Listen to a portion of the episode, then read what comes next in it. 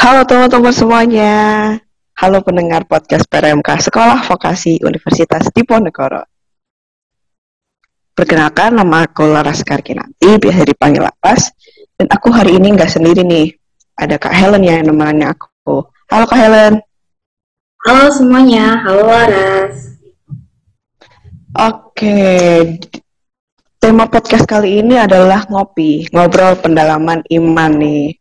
Dan ngobrol pendalaman iman kali ini kita akan mengenal gimana sih kehidupan frater itu. Dan di sini udah ada narasumber kita yaitu Frater Diki. Halo Frater Diki. Halo, halo. Oke, gimana nih Tar kabarnya? Baik, juga mulai kuliah lagi. Oh, Oke. Kalian. Oke, baik ya berarti Tar. Lancar nih kuliahnya. Nah, ya begitulah S2 ya tinggal tugas akhir semoga bisa Oh. selesai Oke, amin, amin. Semoga lancar ya. Amin. Oke. Eh, kesibukan akhir-akhir ini ngapain aja nih Tar selain kuliah?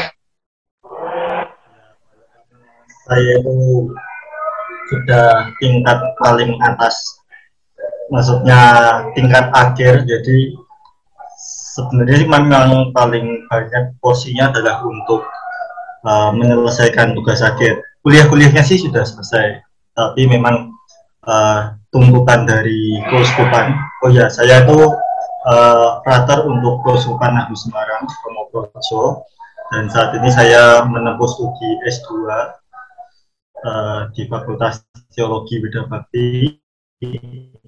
Lalu mem saat ini adalah menyelesaikan tesis ke uh, ke studinya. Sedangkan ya penggunaan hari uh, hari apa namanya waktu-waktu sore sore malam memang nanti untuk mengolah rohani lalu bersama komunitas lalu ada yang namanya kebidalan atau kebidalan itu seperti uh, kepan bukan kepandian tim karya lah tim karya yang ada di seminari uh, baik itu menjadi bagian makanan dan sebagainya nah itu jadi uh, memang sebagian besarnya memang lebih ke studi sih ya akhir-akhir ini gitu Wah, uh, sekarang kita masuk ke pertanyaan pertama aja ya, Ter. langsung aja nih. Jadi uh, gimana nih ceritanya Frater Diki ini berminat awalnya berminat gitu jadi frater. Boleh diceritakan nih. Semoga yang panjang lebar ini bisa menjadi singkat. Nah, uh, sebenarnya kalau dulu ketika masa kecil, masa kecil uh, di saya masih TK, TK itu di paroki saya paroki Gelanggu itu memang saya uh, adalah anak yang tanda kutip yang nakal ya. Intermezzo ya nakal kemudian nggak uh, terlalu mungkin yang namanya hal-hal gereja baik itu berlanjut kemudian entah kenapa ketika saya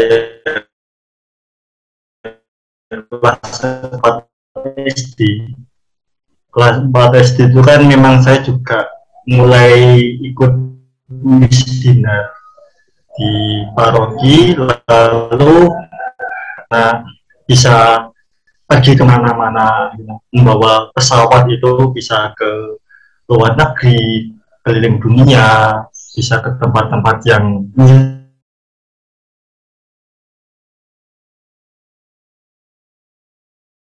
itu.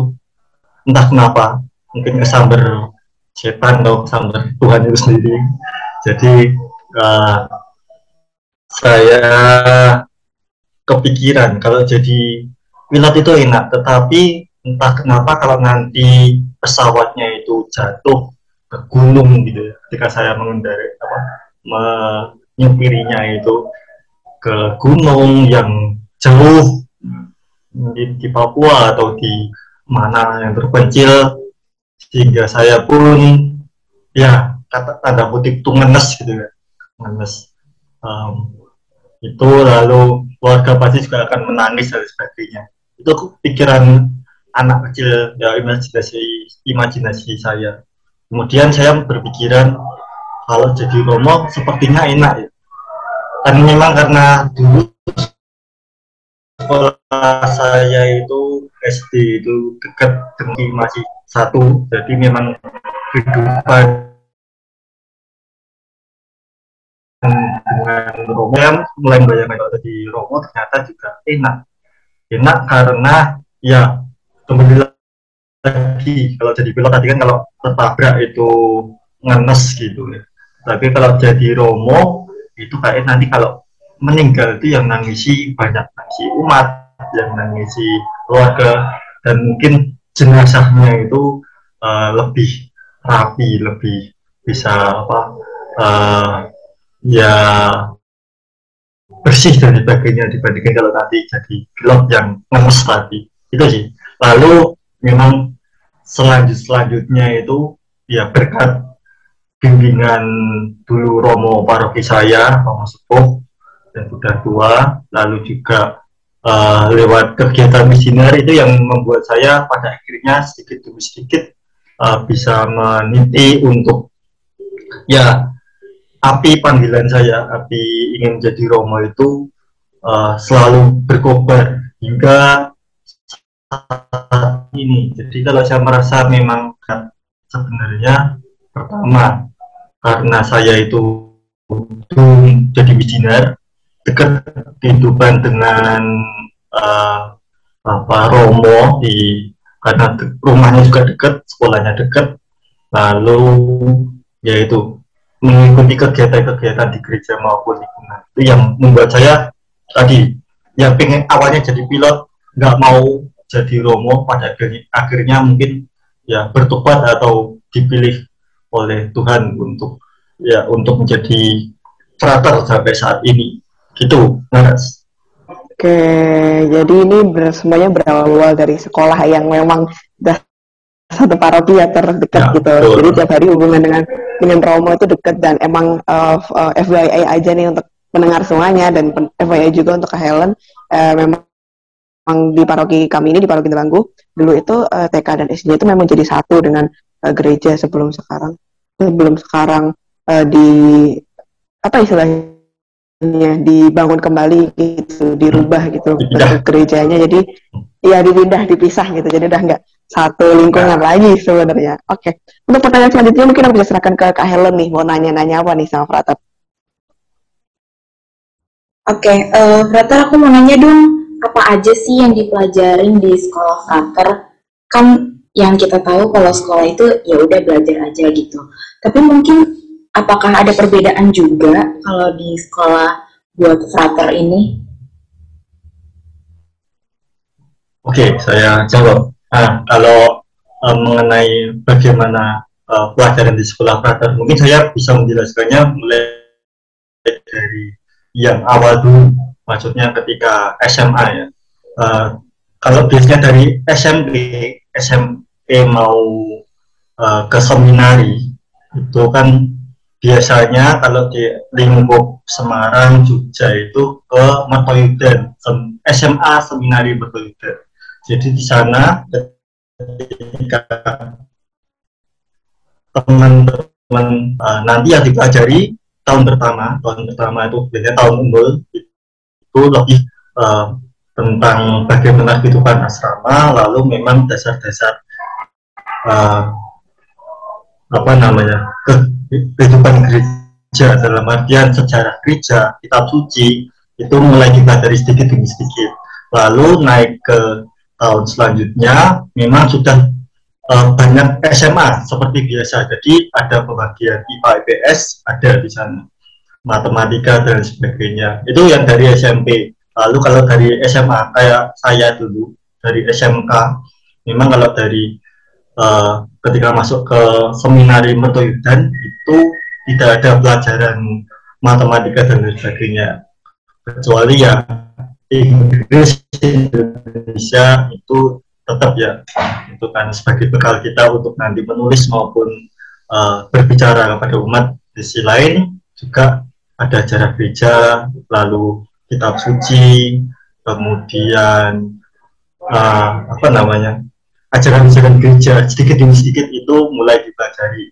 Lalu berlanjut tahun selanjutnya itu biasanya baik itu ke apa masuk ke diosesan kayak saya diosesan pada Semarang atau tarekat-tarekat seperti Yesuit, MS dan sebagainya itu nanti setahun dua tahun itu pelajarannya yang dipelajari adalah mengolah rohani bagaimana kita dekat dengan Tuhan jadi kayak meditasi membangun hidup doa devosi itu dipelajari satu dua tahun.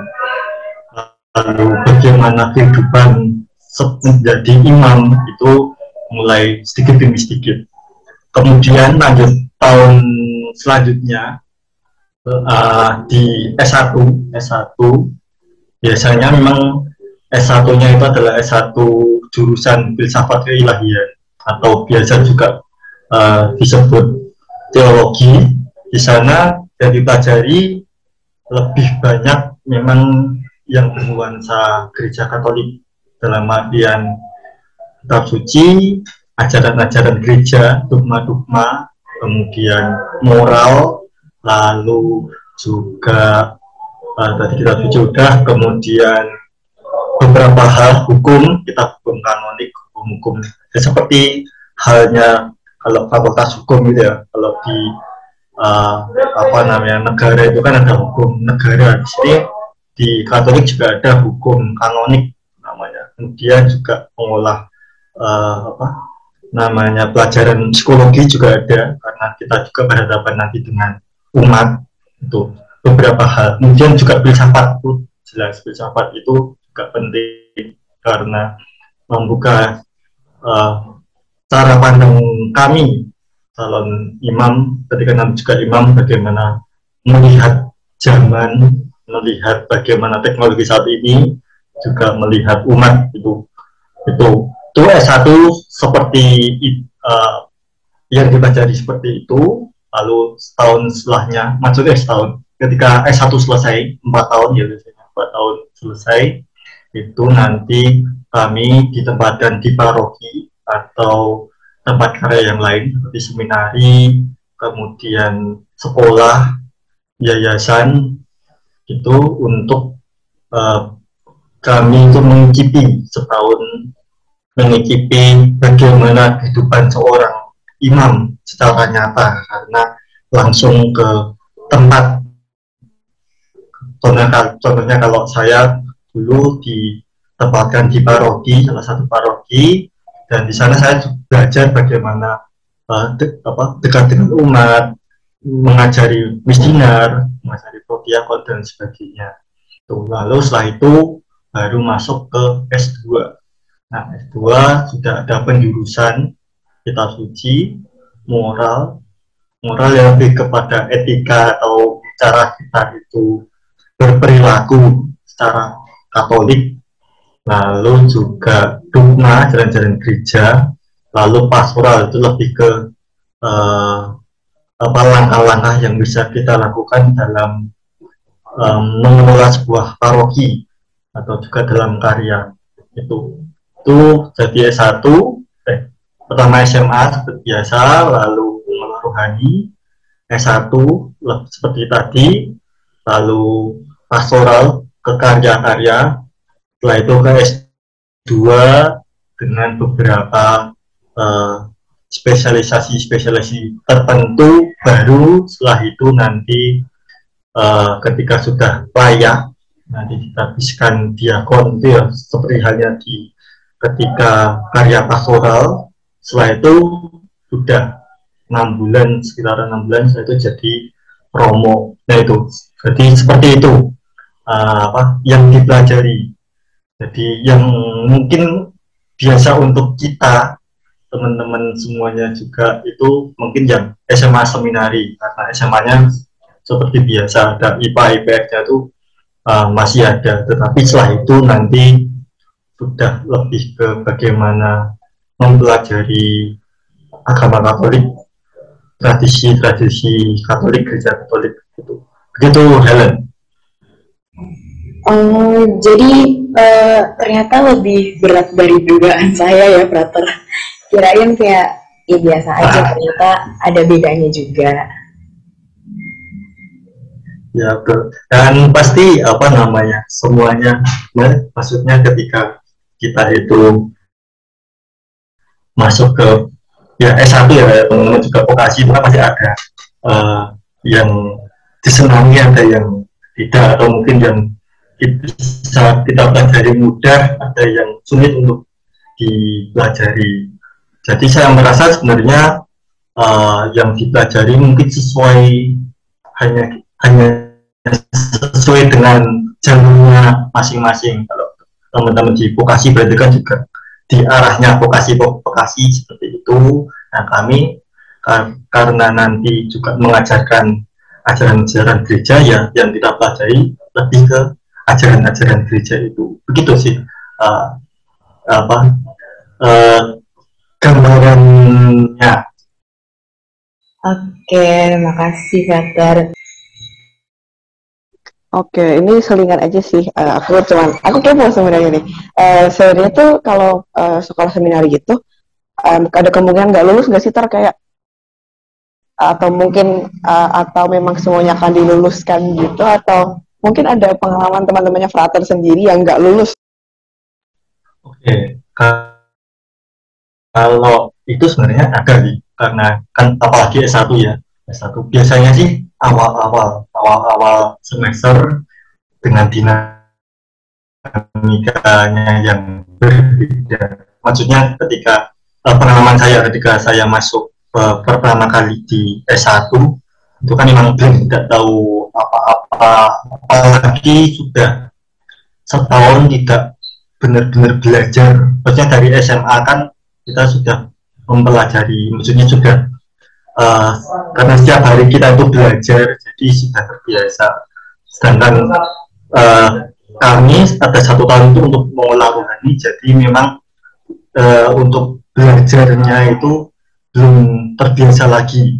Maka di S1 memang awalnya saya sendiri juga agak uh, apa namanya ya kebingungan atau mungkin tergesa-gesa ya kesusu lah itu untuk uh, mempelajari itu. Tetapi memang uh, kalau pengalaman ada yang tidak lulus ada sih. Uh, kalau saya sendiri memang mepet sebenarnya mepet C C. Kalau di tempat kami memang kalau yang ulang itu yang D D itu mengulang sedangkan C masih bisa. Nah, kalau saya sendiri sih syukur alhamdulillah tuh uh, C tapi memang C nya yo apa namanya mata kuliah yang sebenarnya apa namanya biasa tetapi jadinya C karena teman saya ada yang memang tidak lulus uh, satu atau dua mata kuliah D tapi memang bisa nanti mengulanginya tidak dalam satu semester tetapi langsung ada remedi itu. Dan di fakultas kami memang uh, kalau nanti drop drop out itu 8 kali. Maksudnya 8 kali D tetapi dalam sejarahnya tidak pernah sampai apa drop out. Paling dua atau tiga D.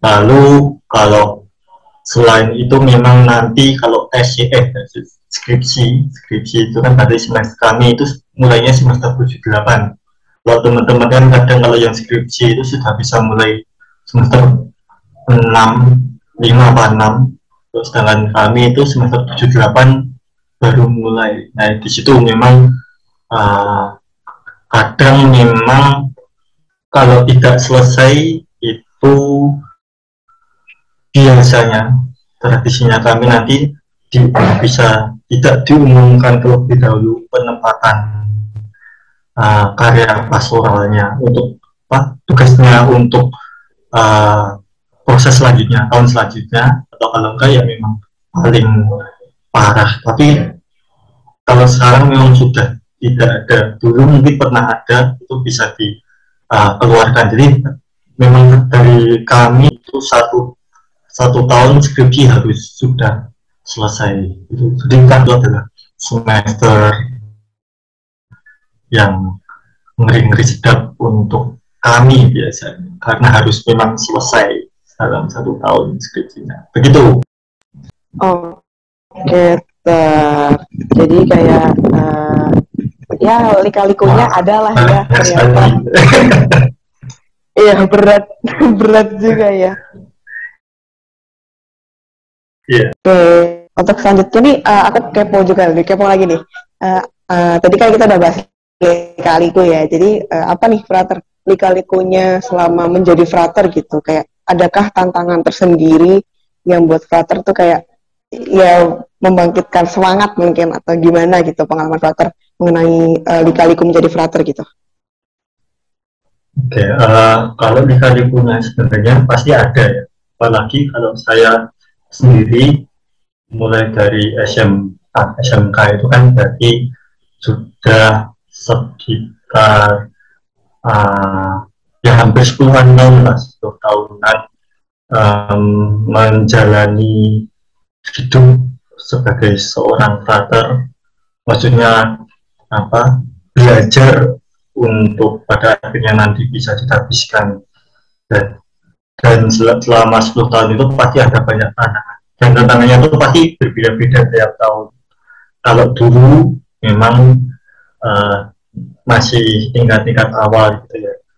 S1 atau mungkin sebelumnya itu memang yang saya uh, tantangannya tersendiri itu adalah bisa nggak sih saya itu uh, hidup lebih um, sebenarnya kalau oh lebih awal lagi itu dari SMA itu tantangannya ya bagaimana saya itu hidup lebih mandiri sebenarnya.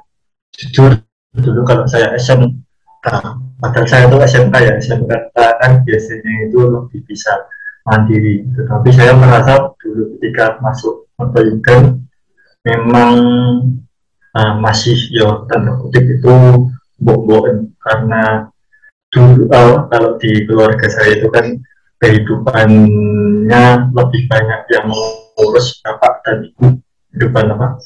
Uh, rumah tangga.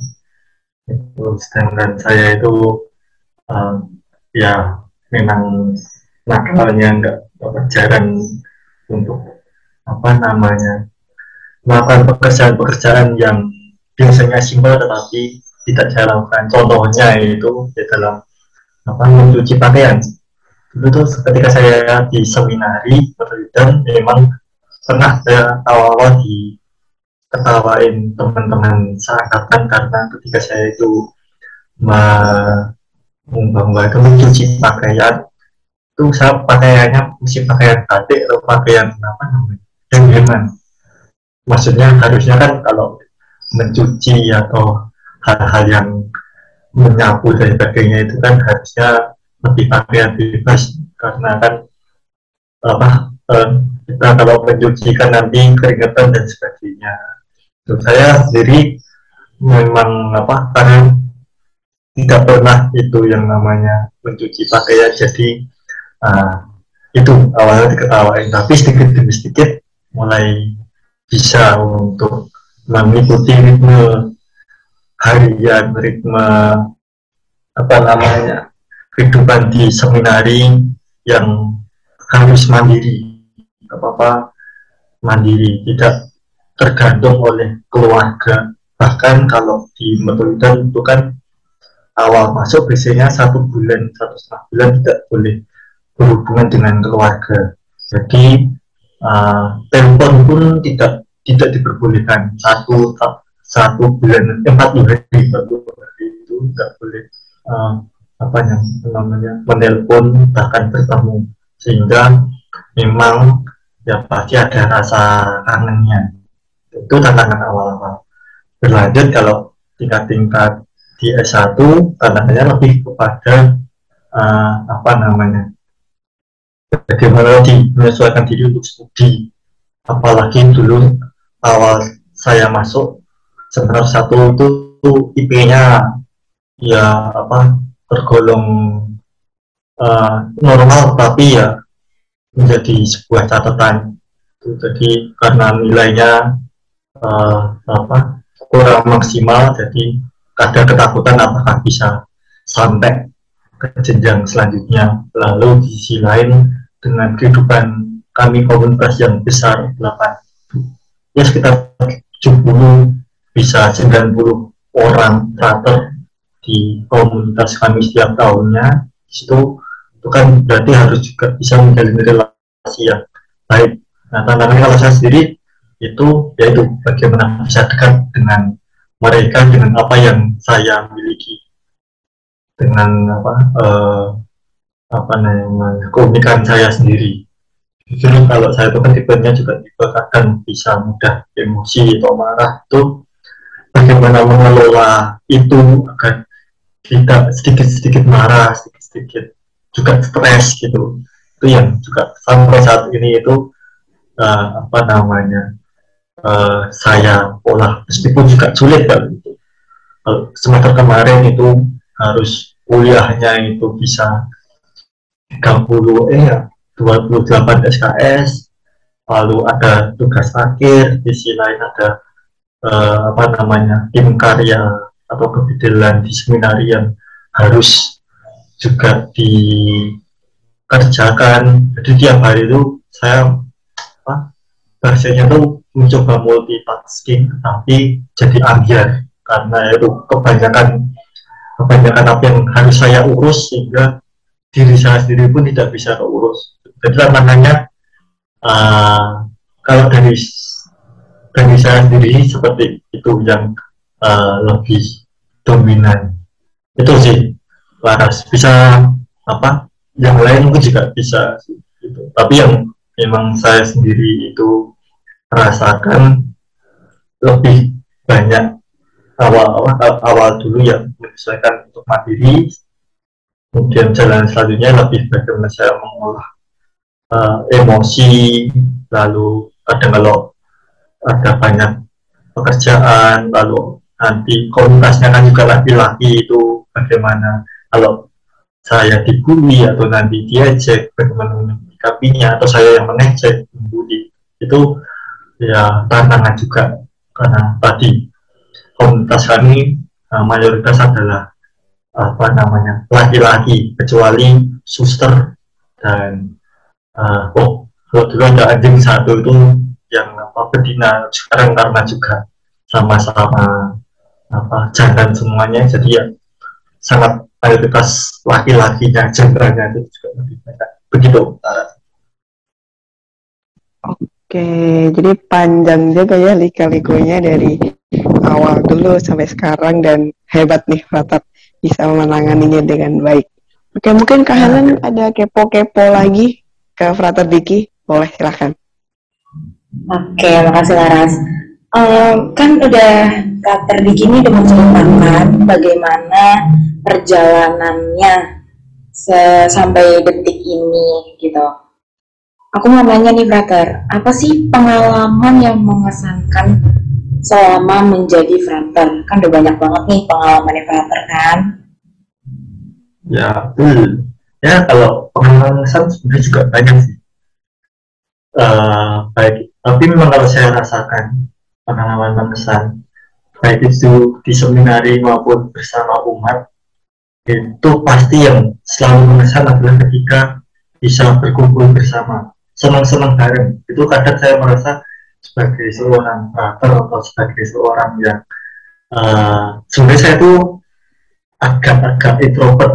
Maksudnya kalau apa heboh ekstrovert itu enggak maksudnya saya tidak terlalu ekstrovert loh lebih ke banyak contoh introvert. Tapi saya malah lebih senang ketika bisa ada kegiatan-kegiatan bersama begitu. Yang mengesan bagi saya uh, seperti jadi contohnya kalau di seminari itu senang ketika ada acara-acara di seminari yang uh, dari tingkat bawah tingkat satu tingkat bawah dalam artian tingkat satu sampai tingkat atas itu tingkat akhir itu tingkat tuh ya enam atau tujuh itu ada kegiatan bersama. Jadi sama-sama bareng juga bareng.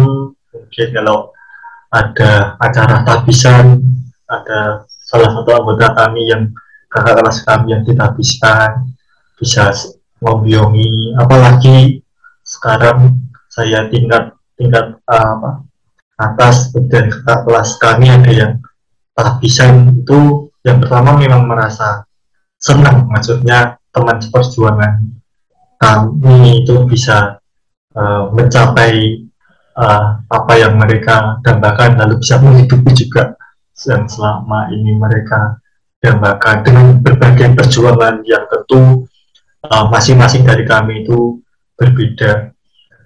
Di sisi lain juga memang kalau dalam hal tadi persamaan di seminari itu selain itu juga dalam uh, uh, di karya pastoral atau pastoral atau bersama umat. Kalau saya mengesan sebenarnya lebih ya ketika saya itu pulang pulang balik ke rumah ke keluarga atau ke paroki. Uh, uh, apa kalau saya sendiri ketika pulang ke paroki itu biasanya memang kalau enggak sobo sobo itu berkumpul enggak kalau misdinar mungkin juga ke OMK juga kadang bertemu dengan Romo. Di situ saya lebih uh, bisa juga tertek apa terteguhkan karena saya merasa dulu dulu itu kalau misdinar ya itu dulu uh, teman uh, adik-adik adik-adik saya jauh yang dulu saya apa namanya uh, dampingi sekarang juga sudah besar dengan berbagai dinamika tapi juga masih menganggap saya rata maupun juga sebagai apa ya, kakak ya pendamping atau gitu. Dan jadi lebih sapaannya itu saya bisa meneguhkan mereka mereka juga menjadi peneguh bagi saya. Umat pun umat di lingkungan di paroki juga. Yang dulu kalau kadang itu umat itu di paroki saya itu yang dulunya saya apa namanya ketika kecil seperti ini sekarang sudah jadi frater sudah tingkat atas atau sedikit lagi gitu. Itu bagi saya juga uh, apa terteguhkan. Apalagi selalu mereka itu apa uh, mengingatkan saya bahwa mereka selalu mendoakan saya. Itu menjadi penyemangat bagi saya.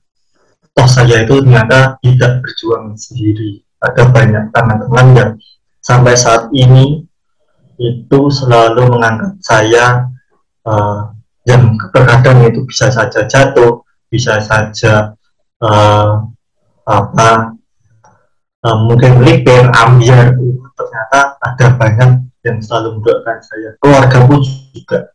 Keluarga itu yang sering kali kalau saya balik itu bapak selalu apa bercerita bahwa setiap hari itu mendoakan rosario malam satunya juga mendoakan saya.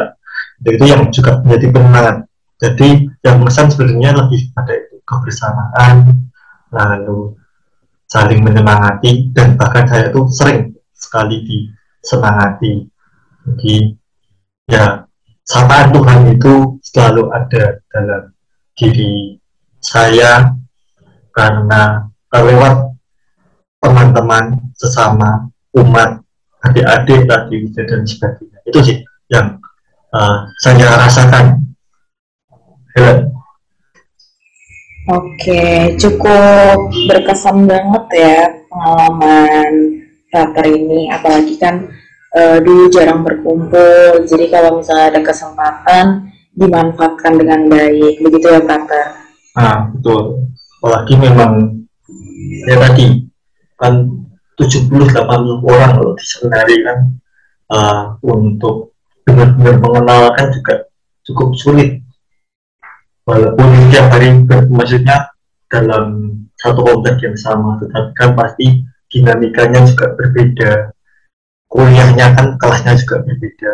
Nah, jadi acara kebersamaan komunitas itu yang sudah menjadi uh, kerinduan bagi kami untuk saling bisa mengenal satu sama lain. Walaupun acaranya remeh-temeh tadi joget apa juga nyanyian atau ada teater itu itu jadi apa hiburan penyemangat juga bagi kami para brother gitu Oke deh, makasih Frater jawabannya. Oke, mungkin ini um, bisa sekaligus menjadi pertanyaan terakhir atau closing kita pada podcast kali ini. Uh, apa harapan Frater begini untuk anak muda Katolik dalam menanggapi panggilan iman nih oleh Frater? Okay. Oh, ini panggilan imam atau panggilan biasa ini? Panggilan iman, uh, oh, ya. Imam. Panggilan. Ya. Oke. Okay.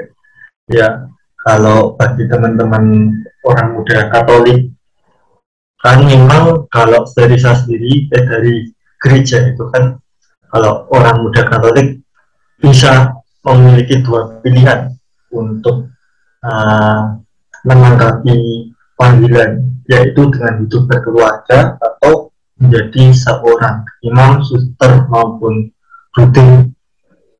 Tapi kalau karena saya sendiri adalah seorang frater yang nantinya uh, apa namanya menjadi seorang imam pada waktunya pada akhirnya itu harapannya memang bagi orang muda Katolik ketika teman-teman orang muda tersentuh sedikit saja saja. Ada pengalaman contohnya gitu ya.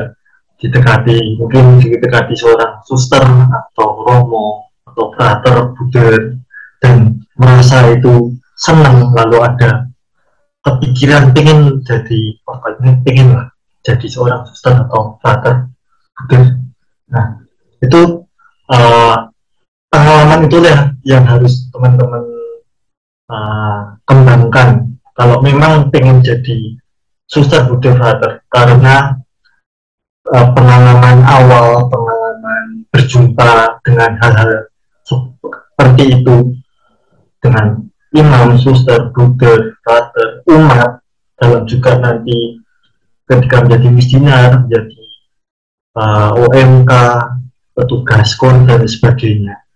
Itu sapaan itulah yang memang pada akhirnya menjadikan kita bisa bagi kami juga itu bisa menjadi penyemangat untuk meraih atau untuk menuju ke imamat itu.